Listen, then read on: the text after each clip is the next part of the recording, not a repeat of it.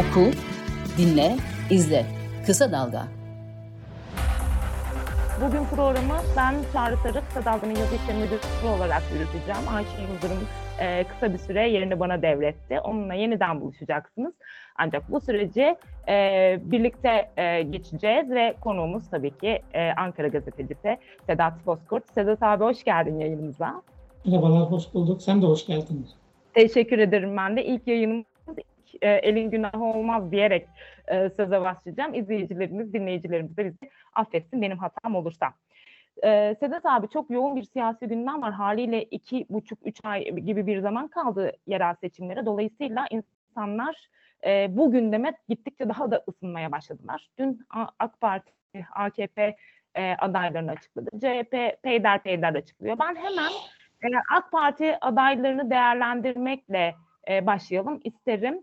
E, özellikle iki isim öne çıktı. İzmir'de Hamza Dağ, Ankara'da da Keçiören Belediye Başkanlığı da yapmış olan bir isim Ankara'ya çıktı. Altınok, Turgut Altınok. Turgut Altınok'un e, Ankara için e, çok iyi anılan bir isim değil işin açıkçası. Hani hem e, bu çeşitli projeleriyle hem A takımı hikayeleriyle sen de çok eski bir gazeteci, eski de bir Ankaralı olarak o dönemi bizim izleyicilerimize anlatır mısın? Ya tabii yani Melik Gökçek de örneğin Keçiören deneyiminde çok kötü bir belediyecilik örneği vermişti ama 5 yıllık aradan sonra e, işte görevden el çektirilene kadar 18 19 18,5 yıl falan Ankara'yı yönetti.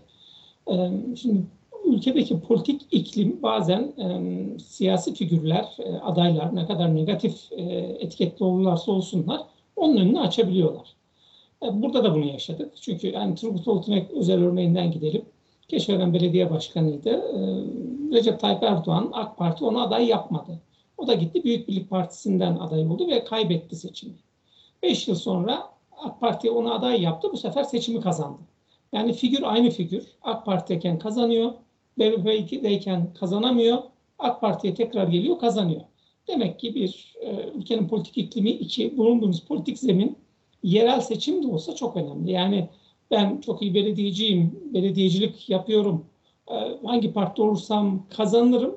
Çok e, istisnai örnekleri vardır, vardır ama istisnaidir bu örnekler.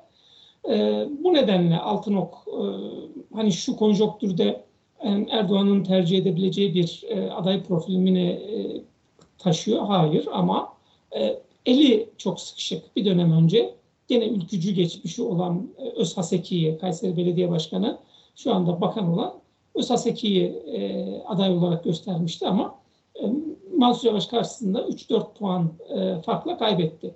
E, Mansur Yavaş'ın bir önceki e, seçimlerinde işte Melik Gökçek'le yarıştığı seçimde halen e, tartışmalar var e, ve iddialar var ortalıkta. E, o seçimden bir mağduriyetle çıkmıştı Mansur Yavaş, kazanmıştı ama gece e, yani sandığa giren oyla kazanmıştı ama sandıktan çıkan oylarla bir anda kaybetmişti avantajlı başlamıştı. E, bu nedenle zaten o, o konjonktürde yani 2019 konjonktürünü iyi e, tahlil etmek lazım. E, bütün belediye başkanları yıpranmıştı. AK Parti'nin kendisi de yıpranmıştı. Kendisini bir yenilemesi gerekiyordu. Bunu belediye başkanları üzerinden yaptı. Ankara Büyükşehir Belediye Başkanı'nı istifa ettirdi. İşte Manisa'yı istifa ettirdi, Balıkesir istifa ettirdi, İstanbul istifa ettirdi. Hatta istifa eden belediye başkanları ağlayarak ayrıldılar. Buradan bir e, aklanma, bir temizlenme, bir yenilenme e, yakalamaya çalıştı Erdoğan. Ama bunda çok başarılı olduğunu söyleyemeyiz. Çünkü 2019'daki belediye başkanlığı seçimlerini kaybetti. Şimdi tekrar döndük dolaştık Turgut Altınok'a geldik. Çünkü niye? Ankara'da böyle milliyetçi muhafazakar seçmen sonuçta sonucu belirliyor. Muhafazakar seçmen ikinci sırada. Çünkü CHP, CHP logosunun altındaki adaya oy veriyor CHP seçmeni. Yani bu da hemen hemen %30'u buluyor Ankara'da e, Kürt seçmen yani HDP'nin de bir dönem kontrol ettiği şimdi DEM partide kendisini e, ifade eden seçmen Ankara'daki denklemi eşitlik halinde bozabiliyor. Yani Ankara'da bir denklem oluşturmaktan daha ziyade varsa bir eşitlik o eşitliği bozabilecek bir güçte. E bunların hepsini tabii ki şey e, Erdoğan e, hesaplamıştır kurmaylarla birlikte. E, sonuçta çünkü Süleyman Soylu'nun da adı geçti Ankara'da, Murat Kurum'un adı Ankara'da geçti, e, Ali Yerlikaya'nın da adı Ankara'da geçti. Pek çok ismin adı Ankara'da geçti. İşte Melik Gökçek'in oğlu Osman Gökçek şu anda parlamentoda milletvekili olarak. E, yani babasının o Keçiören'deki kötü mirası bugün oğlunu parlamentoda milletvekili olarak bulundurmasını sağlayabiliyor. Yani Türkiye'deki siyasetin acayipliğini anlatmak için iyi bir örnek bu da. E, Turgut Altınok e, hani Mansur Yavaş'ın e, 2019 seçimlerinde e, seçimleri kazandığı zaman aldığı ülkücü, milliyetçi hatta kısmen muhafazakar oylara talip. Yani AK Parti kimliğiyle muhafazakar oyların tamamını alacağını, ülkücü e, kimliğiyle de Mansur Yavaş'a bir dönem önce giden oyları konsolide edebileceğini hesaplayarak çıktı ortaya. Siyasette bu çok kolay mı değil. Yani ülkücüler e, bir AK Partili adaya e, hani oy veriyor ama ondan çok mutlu değiller. Ve Mansur Yavaş'a bir dönem... Peki karşısındaki şansı nedir? Şimdi dönüp baktığımızda mesela İstanbul için artık yani daha riskli diye tarif ediyor çeşitli isimler. CHP ile AKP arasındaki rekabeti ama Ankara için hem anketler hem çeşitli siyaset bilimcileri, buranın uzmanları, Ankara çalışan insanlar Mansur Yavaş'ın aslında e, kazanabileceğini söylüyorlar. Senin tespitin nedir? Yani Turgut Altınok bir taraftan e, belki e, AK Parti zorunlu olarak bu ismi gösterdi ama bir taraftan tam AKP profili gibi bir isim. E, sizin e, görüşünüz nedir bu konuda? Yani bir hani ülkenin bir siyasal iklimini bir daha hatırlamak lazım. 14 Mayıs'ta ve 28 Mayıs'ta Ankara'da Kemal Kılıçdaroğlu'nun oyları Erdoğan'ın önünde çıktı. Yani Ankara genelinde muhalefetin oyları iktidarın oylarından daha fazla. Aynı şeye İstanbul'da da tanıklık yaptık. Şimdi gene aynısı denklem kurulacak. Yani bir Erdoğan'la Kemal Kılıçdaroğlu 14 Mayıs'ta neyi temsil ediyorlarsa bugün e, Turgut Altınok'la Mansur Yavaş aynı şeyi temsil edecek. Hani evet. yerel seçimin bir takım kendisine özgü dinamikleri, özellikleri var. Bunları göz ardı etmeden söylüyorum bu cümleyi. Ama Ankara'da şöyle bir tablo var. Mansur Yavaş'a geçen seçimlerde oy veren seçmenlerin tamamı Mansur Yavaş'a oy verdiği için memnunlar. Şikayetçi değiller, pişman değiller. Yani bazı yerlerde var bu seçmende bu ruh hali ama Ankara'da çok fazla yok. Ve kendini çok böyle CHP'li olarak ön plana çıkarmadı. Yani ülkücü kimliğiyle, o milliyetçi kimliğiyle daha çok ön plana çıkardı. Hani çalışma arkadaşlarını da zaten hep o camiadan seçti. Yani İyi Partililer, işte MHP'liler, Büyük Birlik Partililer daha fazla e, Mansur Yavaş'ın çevresinde çalışma arkadaşı olarak yer aldılar. Nitekim 14 Mayıs seçimlerinde Ankara Büyükşehir Belediyesi'nden İyi Parti iki milletvekili çıktı. Şimdi ikisi de istifa etti. Ama İyi Parti'den iki tane milletvekili çıktı. CHP'den aday bile çıkmadı. Yani milletvekilini bırak Ankara Büyükşehir Belediyesi'nin içinde yer alıp da CHP'den aday olan hiç kimse yok. Milletvekili olan da yok, aday olan da yok. Oysa İyi Parti'den iki isim var. Milletvekili olan ama daha sonra bir tanesi işte AK Parti'ye gitmek üzere muhtemelen Meral Akşener'in e, engeliyle e, karşılaştığı için gidemiyor. Öbürü Mansur Yavaş'ın yanında yer almak için İyi Parti'den istifa etti. Şimdi çalışma arkadaşlarını da bunların içinden seçtiği için bu insanlardan oy almakta çok sıkıntı çekmez. Bir de hani AK Parti'nin güçlü olduğu yer kırsal. Mansur Yavaş politikalarıyla, o sosyal belediyecilik vasfıyla e, kırsala çok dokundu. Yani kent içinden daha fazla kırsala dokundu. Yani tarımı destekledi, üretimi destekledi, yollarını yaptı, köprülerini yaptı. Belediyecilik hizmetlerini oralara taşıdı. E, bir de Ankaralı bu, gibi yerlerde e, bazen futbol takımı taraftarlığı bile yerel seçimlerde çok önemli bir etken haline geliyor. Ankaralı olması da önemli. Yani şey de Ankaralı. E, bir tanesi Ankara'nın güneyinden, bir tanesi de ya doğu batı. Bir tanesi Balalı, bir tanesi Beypazarlı. Şimdi bunlar önemli şeyler. Şimdi burada Mansur Yavaş'ın kazandığı dönem Mansur Yavaş'ın lehine olan tablo değişmiş değil. O nedenle Ankara'da e, kazanma ihtimali e, daha çok görürüz. Bir de e, hep AK Parti'de Erdoğan da şöyle yap yani e, İstanbul'u, İstanbul Belediye Başkanı Ekrem İmamoğlu'nu eleştirdikleri kadar, onların önüne hedef koydukları kadar Mansur Yavaş'ı koymuyorlar. Yani evet. şöyle bir anlaşma ile gelse e, CHP ya da muhalefet ya Ankara'yı Mansur Yavaş'a bırakalım İstanbul'da sizin olsun deseler AK Parti hemen kabul edecek. Yani Ankara'da Mansur Yavaş'ın böyle bir şey var. Politik olarak e, kabulü var. Yani AK Parti tabanında da bu kabul geçerli. E, yani bir de bu, bu, bu seçimlerde de hani seçmen e, yerel seçim olmasına rağmen oy kullanırken e, parkımdaki çiçekleri sulayacak, çöpümü toplayacak diye oy vermeyecek. Politik bir tavırla oy verecek. Politik bir tercihle oy verecek. 2019'daki gibi. Bu nedenle Mansur Yavaş'ı İstanbul'dan daha e, şanslı ben de görüyorum.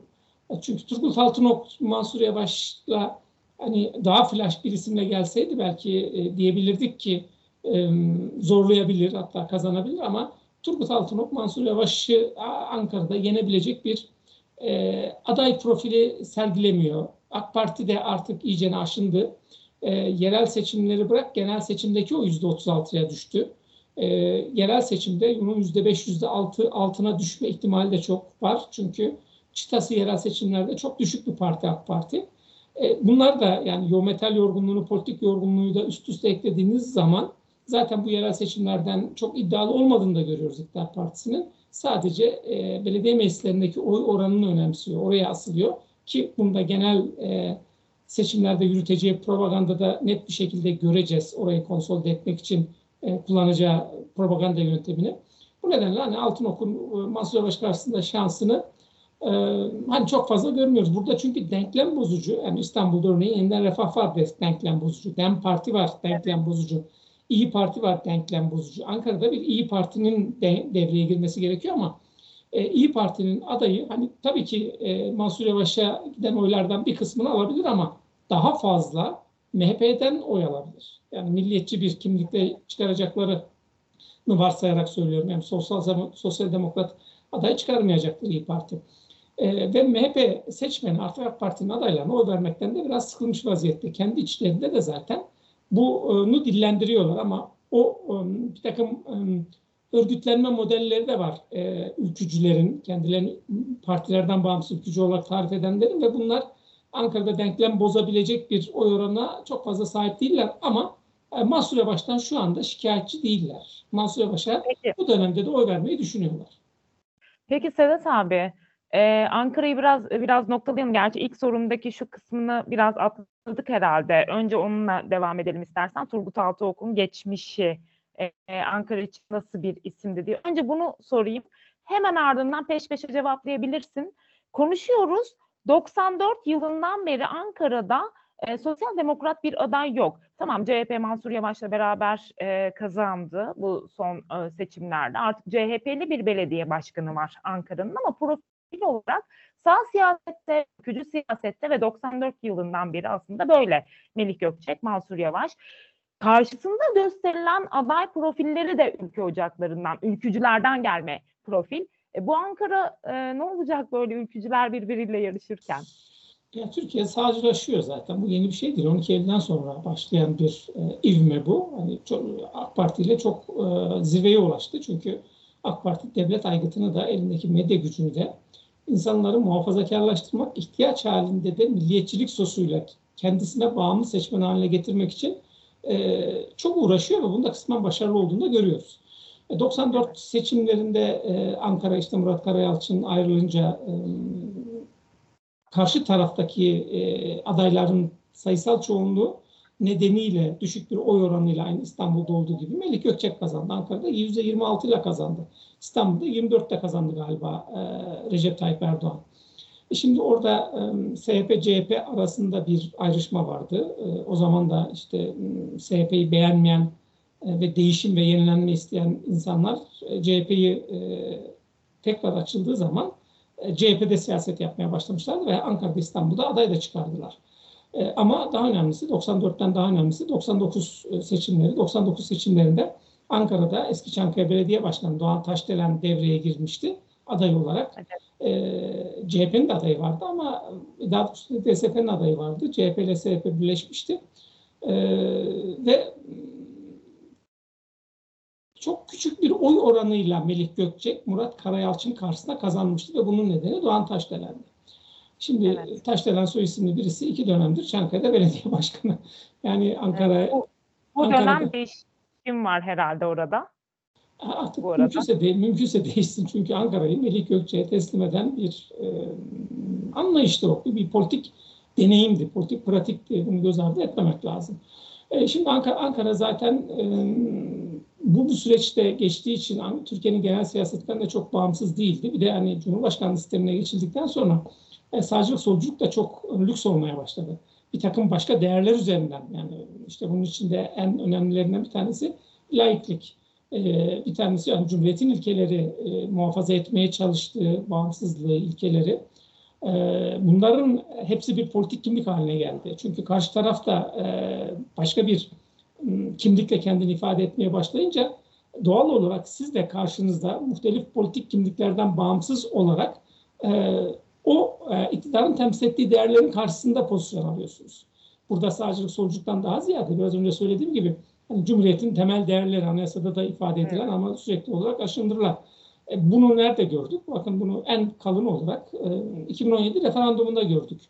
Yani anayasa oylamasında e, kimliklerinden bağımsız olarak aynı Millet İttifakı'ndaki politik kimlik çeşitliliği referandumda da vardı. Yani bunun başlangıcı aslında Gezi. Gezi'ye baktığınız zaman referandumdaki hayır bloğunu oluşturan politik kimlik çeşitliliği işte Kürdü, İslamcısı, ülkücüsü, milliyetçisi, solcusu, sosyalisti hepsi Gezi'de vardı. 16 Nisan 2017 referandumunda da vardı. 2018 evet. seçimlerindeki Millet İttifakı bloğunda da vardı. 2019 yerel seçimlerinde de vardı. Ayrışmıştı ama aday bazında. Bir de 14 Mayıs 2023 seçimlerindeki Millet İttifakı'nda artık kurumsallaşmıştı bu. Bu birazcık tercih değil, mecburiyet. Şimdi e, Ankara'da da katı bir e, hani milliyetçi cephe hükümetini e, an, anımsatacak bir politik kimlikle geliyor Turgut Altınok. Karşısındaki Mansur Yavaş ülkücü geçmişine rağmen o noktada değil. Yani baktığınız zaman bugün CHP profiline uyan, e, güttüğü politikalarla, ifade ettiği fikirlerle CHP profiline uyan bir figür. E, evet, evet. Bu nedenle söylüyorum yani örneğin pek çok ülkücü o 2010 2023 e, seçimlerinde 14 Mayıs'ta e, Kemal Kılıçdaroğlu'na destek açıklaması yaptılar. Pek çok İslamcı işte Saadet Partisi oradaydı. E, ve ellerin en çok çalışan seçimlerde en çok çalışan muhafazakar parti de Saadet Partisi'di zaten. Bu nedenle bu dönem kimlikler hani seçimlerde çok aday olurken de insanlar tercihte bulunurken de çok önemli olmuyor. Yani insanlar zaten birkaç seçimdir stratejik oy kullanıyorlar. Kendi politik görüşlerini ifade edecek insanlar için değil, stratejik de oy kullanıyorlar. Yani bir anormal durum. Bunlar sağlık göstergesi değil demokrasi açısından. Tabii ki sağcı sağcı olmalı, solcu solcu olmalı ama buna izin vermeyen bir yapı var karşınızda. Evet. Şimdi e, Ankara tabii çok yani tartışmaya değer ama bu kadar kısa bir programımızın içinde neredeyse yarısından fazlasını Ankara'ya ayırdık. Ama şunu sormadan edemeyeceğim. Sadece 2-3 cümle istiyorum. Erdal Beşikçioğlu çok tartış tartışılıyor. Etimeskut için şansı nedir? Bu isim kulislerde nasıl değerlendiriliyor? Ankara Etimeskut'ta bir potansiyeli vardı CHP'nin. Geçen seçimi 2-3 e, oyla kaybet 2-3 %2 ya da %3 oyla kaybetmişti. Yani politik kimliği çok bilinen bir aday yoktu. Yani politik kimliği biraz daha bilinen bir adayla e, oraya alınabilirdi. Erdal Beşikçioğlu alınır mı? Alınır. E, çünkü hani bir Ankara vurgusu var orada da. E, burada birazcık tabii CHP içinde e, Mansur Yavaş'ın da dahil olduğu bir kesimde bir sıkıntı yarattılar. Çünkü Ankara'ya bir denklem oluşturmak isteniyor. Çünkü e, belediye meclis üyelikleri önemli. Belediye başkanlığını kazandığınız zaman siz belediye meclis üyeliklerinde çoğunluğu sağlayamadığınız zaman eliniz kolunuz bağlı oluyor. Hani orada başkanlık seçiminde başkanlık seçimini kazanmadan daha fazla belediye meclis seçimlerinde katkı sağlayabilecek bir isim aranıyordu. Aynı zamanda Büyükşehir Belediyesi'nde Mansur Yavaş'a e, oy yönlendirebilecek bir isim aranıyordu. Erdal Beşikçioğlu bu isim midir? E, işte bu tartışılıyor birazcık.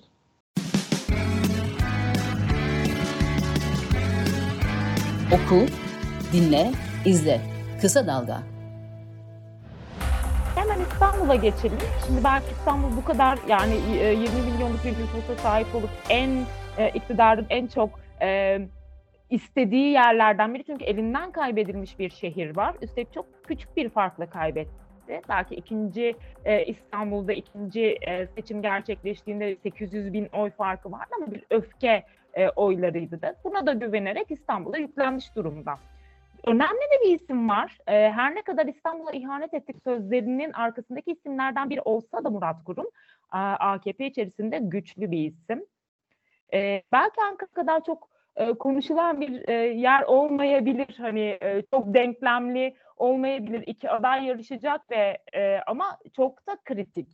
Çünkü gerçekten İmamoğlu'nun kaybetme e, ya da kazanma e, Murat Kurum'un kaybetme ya da kazanma bir başa baş giden bir durum söz konusu gibi görünüyor. En azından araştırmalar e, böyle söylüyor. Sen nasıl okuyorsun? Ankara'dan nasıl görünüyor İstanbul?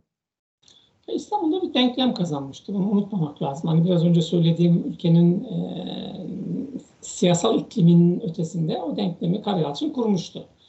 E, Millet İttifakı oluşturulmuştu. İyi Parti, evet. CHP ve Demokrat Parti ile Saadet Partisi ayrıştırılmıştı. E, ve bu ittifak modeli bir ilçe belediye başkanını Ekrem İmamoğlu'nu İstanbul'a Büyükşehir'e aday gösterdi. Şimdi denklemin biri kurulan ittifak. Denklemin ikincisi Ekrem İmamoğlu iyi bir performans gösterdi adaylık propagandasında. Denklemin üçüncü unsuru Saadet Partisi'nin aday çıkarması. Yani senin de söylediğin ilk seçimde 13 bin oy farkla kazanmıştı Ekrem İmamoğlu. Saadet Partisi'nin adayı 109 bin oy almıştı. Yani o 109 bin oy Saadet Partisi aday çıkarmasaydı evet. mu- muhtemelen AK Parti'nin adayına Binali Yıldırım'a gidecekti. Bir de tabii o zamanki HDP aday çıkarmamıştı. Yani dördüncü evet. denklemi dördüncü unsur da bu. Bu denklem kuruldu ve Ekrem İmamoğlu İstanbul'da kazandı. Bu kadar basitti o denklem yani. E, iptal edilince tabii tepki oylarına dönüştü. 800 bin oy gibi yani devasa yani normal bir kentte belediye başkanlığı seçimini kazanacak bir oy miktarıdır bu. Kazandı. Şimdi buradan bir denklem kur, kurulabilir mi? İstanbul İttifakı diye Ekrem İmamoğlu'nun dillendirdiği bu. Ama siyasal iktidar özellikle Erdoğan e, kendi politik kimliğini İstanbul'da inşa ettiği için İstanbul eşittir Erdoğan olduğu için kendisi de öyle baktığı için çok önemsiyor İstanbul'u. İstanbul kazanmak istiyor ama Ankara'daki sıkıntı orada da mevcut. Çünkü Binali Yıldırım diye e, yüksek profilli bir siyasetçi, eski başbakan, eski AK Parti Genel Başkanı, eski meclis başkanı ilçe belediye başkanına karşı kaybetti. Şimdi bir bakanı getirip karşısına koyuyor.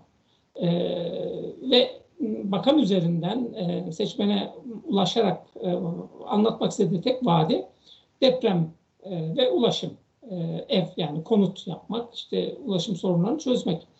E, bu seçmeni ikna etmek için yeter mi? Bir de AK Parti'nin gene Ankara için söylediğim burada tekrarlayayım. Artık yorgun, metal yorgunu. Seçmene bir şey anlatmakta, öyküsünü anlatmakta öyküsü yok zaten. O yüzden gene terörle mücadele, milli güvenlik gibi meselelere gireceğiz. Yerel seçim olmasına rağmen.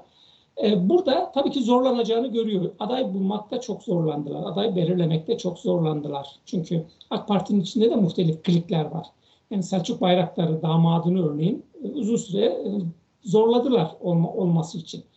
E, il teşkilatı e, Tevfik Göksu'yu zorladı olması için. E, başka bir kanatta Murat Kurum'u e, zorladı. Murat Kurum Erdoğan'ın İstanbul'da belediye başkan olmasını istediği tipe çok uyuyor. Yani orayı zaten Erdoğan yönetecek. Yani orada sadece bürokratik işlemleri yapması için birisinin olması gerekiyor bir belediye başkanının. Oradaki e, istediği her şeyi yaptırabileceği, kendisine mutlak bağlı olacak e, ve e, gözü arkada kalmayacak birisi Murat Kurum. Yani kazanma niteliğinden daha çok bu özellikleriyle tercih edildi. Yoksa anketlerin hiçbirinde de zaten Murat Kurum Ekrem İmamoğlu'nun önünde çıkmıyor. Açık, açık fark var bir de yani çok e, küçük, küçük bir fark da yok.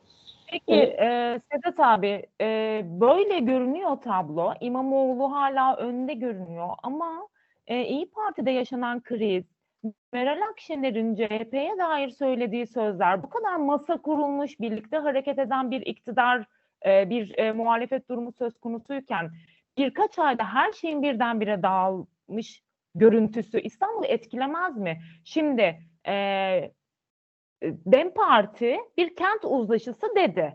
E, burada da kulislere göre İstanbul'da anlaşacaklar gibi duruyor. işbirliğine gidecekler CHP'li gibi duruyor. E, her ne kadar Kürt oyları burada çok yüksek, Dem Parti'nin oyları çok yüksek olsa da e, İyi Parti'deki bu e, CHP'ye olan e, öfke hali, bu bir işbirliğini kuramama, e, bu muhalefetin bu kadar dağınık görünmesi İmamoğlu nezdinde nasıl etkiler? Tabii ki çok olumsuz etkiler. Sadece İstanbul değil yani o kazanılan İzmir de dahil. Yani teorik olarak İzmir'i kaybetme ihtimali de var CHP'nin. Her tarafı olumsuz etkileyecektir tabii. Yani burada İyi Parti'nin aldığı pozisyon uzun bir e, politik analizi gerektiriyor. Kurulduğu günden bugüne kadar. Çünkü yani sonuçta Erdoğan'ın tercihiyle e, MHP siyaseti ikiye bölündü bir parçasını kendi yanına aldı, bir, bir parçasını kendi faydalanma niyetiyle karşı tarafa monte etti ve iki seçim kazandı bu yöntemle. Ee, İyi Parti şimdi o pozisyonunu değiştirirken kendisine gerekçe e, araması gerekiyor ve kolay bir hedef Kemal Kılıçdaroğlu CHP yörünge değiştirmek için oraya saldırmak, oraya eleştirmek e, kendi tabanı açısından, kendi gütmek istediği siyaset açısından da doğru bir yöntem. E, yani bana sorsalar e, İyi Parti işte Millet İttifakı'ndan ayrılıp Cumhur İttifakı'nın yanına geçmek istiyor ne yapması lazım? E, Cumhur İttifakı'nda ne kadar parti varsa hepsine saldırması Soruyorum. lazım derim. O zaman bu soruyu soruyorum. Çünkü e, bir sürü siyaset bilimci e, ya da bu işleri takip eden gazeteciler diyorlar ki Meral Akşener e, AK Parti'ye yakınlaşıyor böylelikle diye. E, böyle bir şey var mı gerçekten? Hala muhalif noktada durur mu? Ve ayrıca MHP oradayken e, Meral Akşener e, Erdoğan'la işbirliğine gider mi? E, tabii gider. Niye gitmesin? Zaten yani klasik bir MHP e, MHP bile değil aslında. Yani onu daha önce Ayşe'yle uzun uzun konuşmuştuk. Bir kez de sana tekrarlayayım. Şimdi İyi Parti ayrıldığı zaman oradan çakma bir MHP olacağını varsayıyorduk. Ama e, Çinlerin DYP'si çıktı ortaya. Hmm. Yani parti içi yapılan tartışmalarda bakın eşler tartışılıyor, oğlanlar tartışılıyor. E, bir takım maddi meseleler tartışılıyor. Listelere milletvekillerin konuşma yöntemleri tartışılıyor. Çinlerin DYP'si bak bu tartışmanın hiçbiri MHP'de olmaz. Olmadı da yani hiç sorunsuz bir seçimler geçiriyor arka arkaya MHP. E şimdi böyle bir iyi Parti var karşınızda. Kendi içindeki tartışmaları e, absorbe edemiyor. E, onlara yanıt da veremiyor eleştirilere. E, bütün tartışmayı dışarıya taşıyor. Dışarıya taşıdığı zaman nereye? Kendi kitlesini bloklaştırmak için de zaten bir çatışma yaratmanız gerekiyor. E, AK Parti ile Cumhur İttifakı'na çok fazla e, eleştirmemesi yörünge olarak oraya yaklaşmak istediğine ilişkin niyeti ortaya koymaya yetiyor. Çünkü işte dün e, Saadet Partisi'nin genel başkanına e, ağır eleştiride bulunuyor yanındaki adayı. Kendisi 14 hmm, Mayıs 28 Mayıs'tan sonra zaten Kemal Kılıçdaroğlu ve CHP yönünü hedef olarak koydu. Hatta e, Özgür Özel'le özel bir muhabbeti vardı. Özgür Özel de bu muhabbeti abla diye ifade etmişti. Hani biraz daha yumuşayabilir e, demiştik. Orada bile yumuşamadı. Hemen hmm. ikinci gün Özgür Özel'le önce bir yumuşayacağına ilişkin bir e, açıklamada bulundu. Hemen ikinci gün sertleşmeye başladı. Bu görülüyor ki bu stratejik bir şey. Yani kişilerle ya da kurumsal CHP ile bir derdi, CHP'nin genel başkanıyla bir derdi olmadığını görüyoruz. Çünkü CHP'nin genel başkanı değiştiği zaman zaten bizim derdimiz genel başkanlaydı. Değişti artık başka şeyler konuşabiliriz gibi cümlelerde sarf etti Meral Akşener. Bu nedenle onunla, onunla olmadığını da görüyoruz. Ee, hani bu bunları tamamını alt alta koyduğunuz zaman bu e, Cumhur İttifakı'na doğru bir e, manevra e, niyeti taşıdığını net bir şekilde ortaya çıkarıyor. Hani burada e, işte senin benim söylediğim gibi net söylemeyecekler tabii. İşte terörle mücadele konsepti, milli güvenlik, vatanın bölünmez bütünlüğü gibi cümlelerin arkasına saklanarak ki sağ siyaset için çok konforlu bir alandır orası. Onlarla birlikte yol alacak. Ha, MHP itiraz eder mi? MHP hiçbir şey itiraz etmez. MHP bugün bulunduğu noktadan en memnun, en hoşnut partidir. Yani yüzde onu yakalamış vaziyette parlamentoda temsil ediliyor. Hiçbir sorumluluk almadan iktidarın, hükümetin, devletin imkanlarından, olanaklarından da yararlanıyor. Yani evet, bir, daha para, şimdi... bir daha para itiraz etmeyen MHP siyasetinin İyi Parti'ye itiraz etmesi de zaten şey olur, biraz komik olur.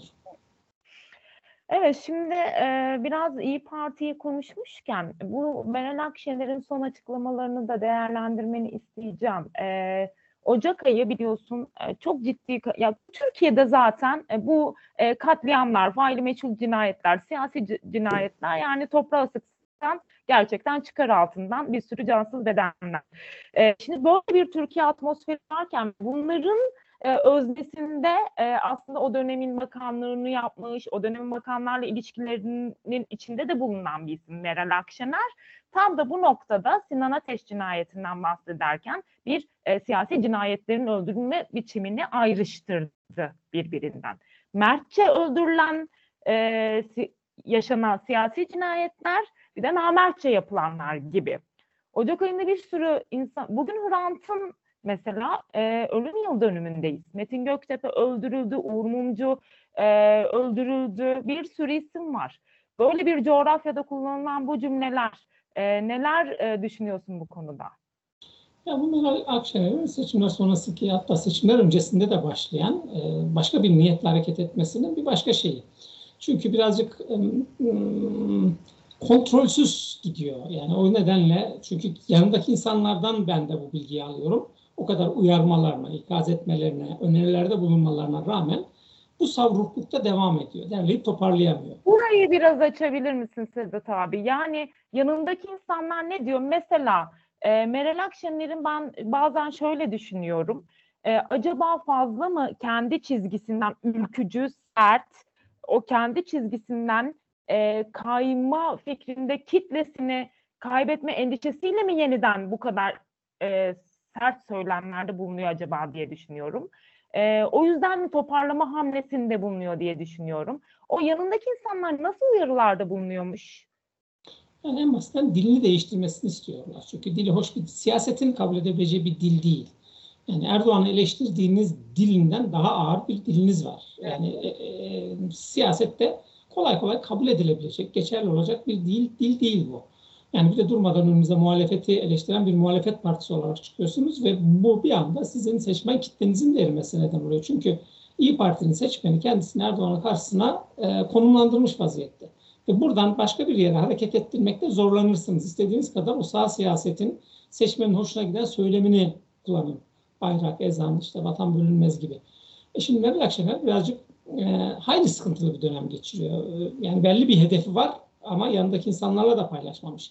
Yani gerçekten MHP'den gelen milliyetçi, ülkücü seçmen kitlesini muhafaza etmek istiyorsa orada bu kimliği daha iyi temsil eden isimler var. Musavat Dervişoğlu, Koray Aydın, e, daha katı ülkücü hareket içinden gelen isimlerin hiçbirini bakın bu dönem ön planda görmüyoruz. Hepsi geri planda. Yani bu bile o, o seçmen kitlesini e, konsolide etmekle açıklanmayacak bir durum.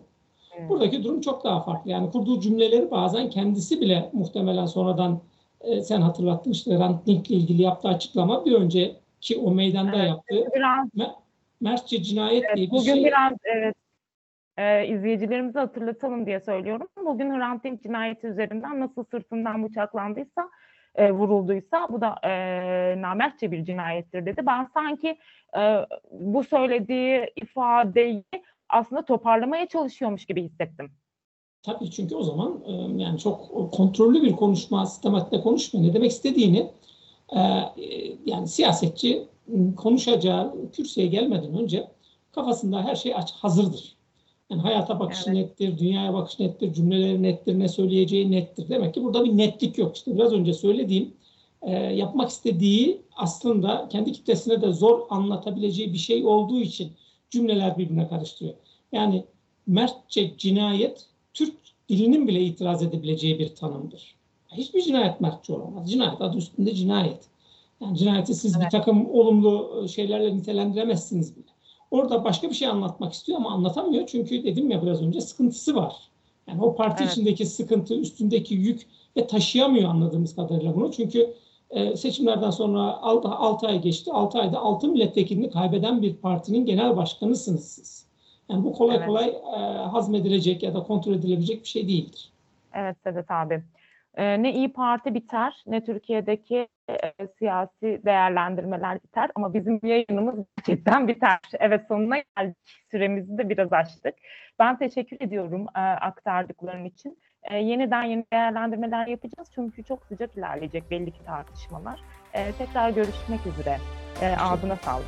Hoşçakalın. Görüşürüz. E, sevgili izleyenler biz e, Politikest'ten e, bizden bugünlük bu kadar. Biraz önce yayını açarken söyledim Ayşe Yıldırım'ın yerine bir süre programı beraber e, yürüteceğiz. E, şimdiden e, biz de e, teşekkür ediyoruz herkese. Hoşçakalın.